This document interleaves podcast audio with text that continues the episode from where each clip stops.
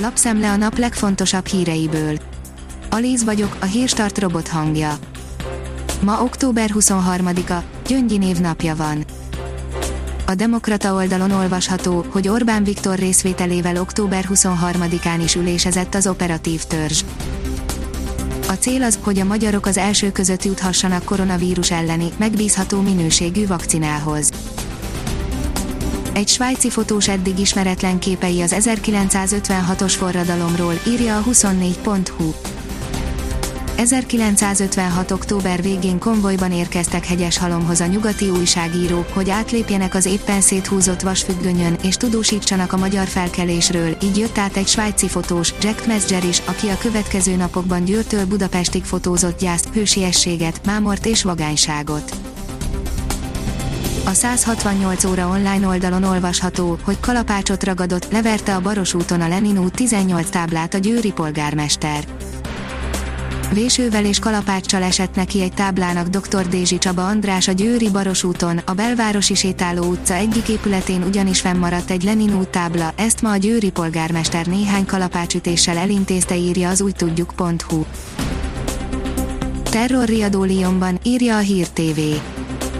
A város pályaudvarán egy táskát cipelő muszlim nő azzal fenyegetőzött, hogy felrobbantja a létesítményt, közben többször Elehu Akbart kiáltott.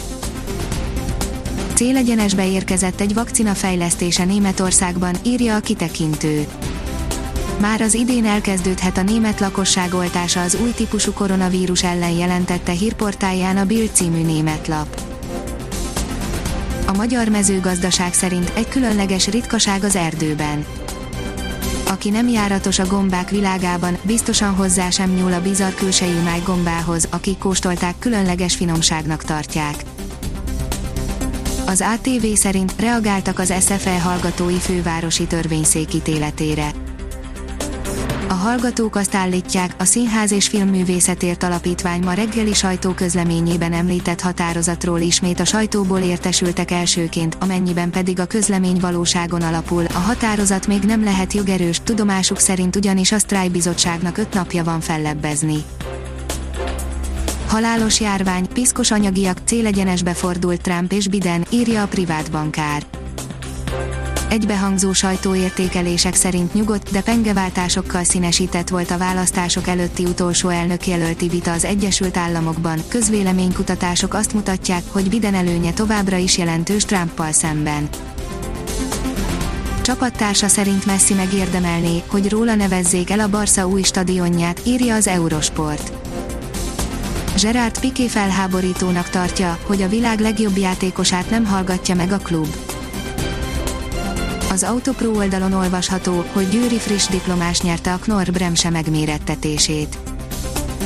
A Széchenyi István Egyetem frissen végzett járműmérnök hallgatója, Radnóti Márk valóságban is legyártható pályamunkájával tapasztalt mérnököket utasított maga mögé, és nyert a Knorr Bremse Budapest által szervezett szakmai megmérettetésen.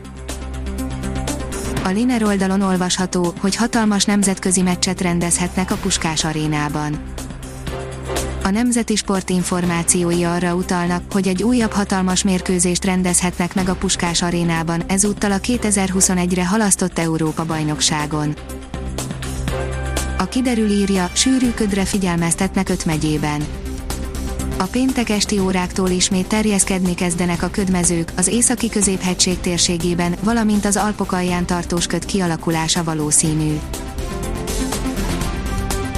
A Hírstart friss lapszemléjét hallotta. Ha még több hírt szeretne hallani, kérjük, látogassa meg a podcast.hírstart.hu oldalunkat, vagy keressen minket a Spotify csatornánkon. Az elhangzott hírek teljes terjedelemben elérhetőek weboldalunkon is. Köszönjük, hogy minket hallgatott!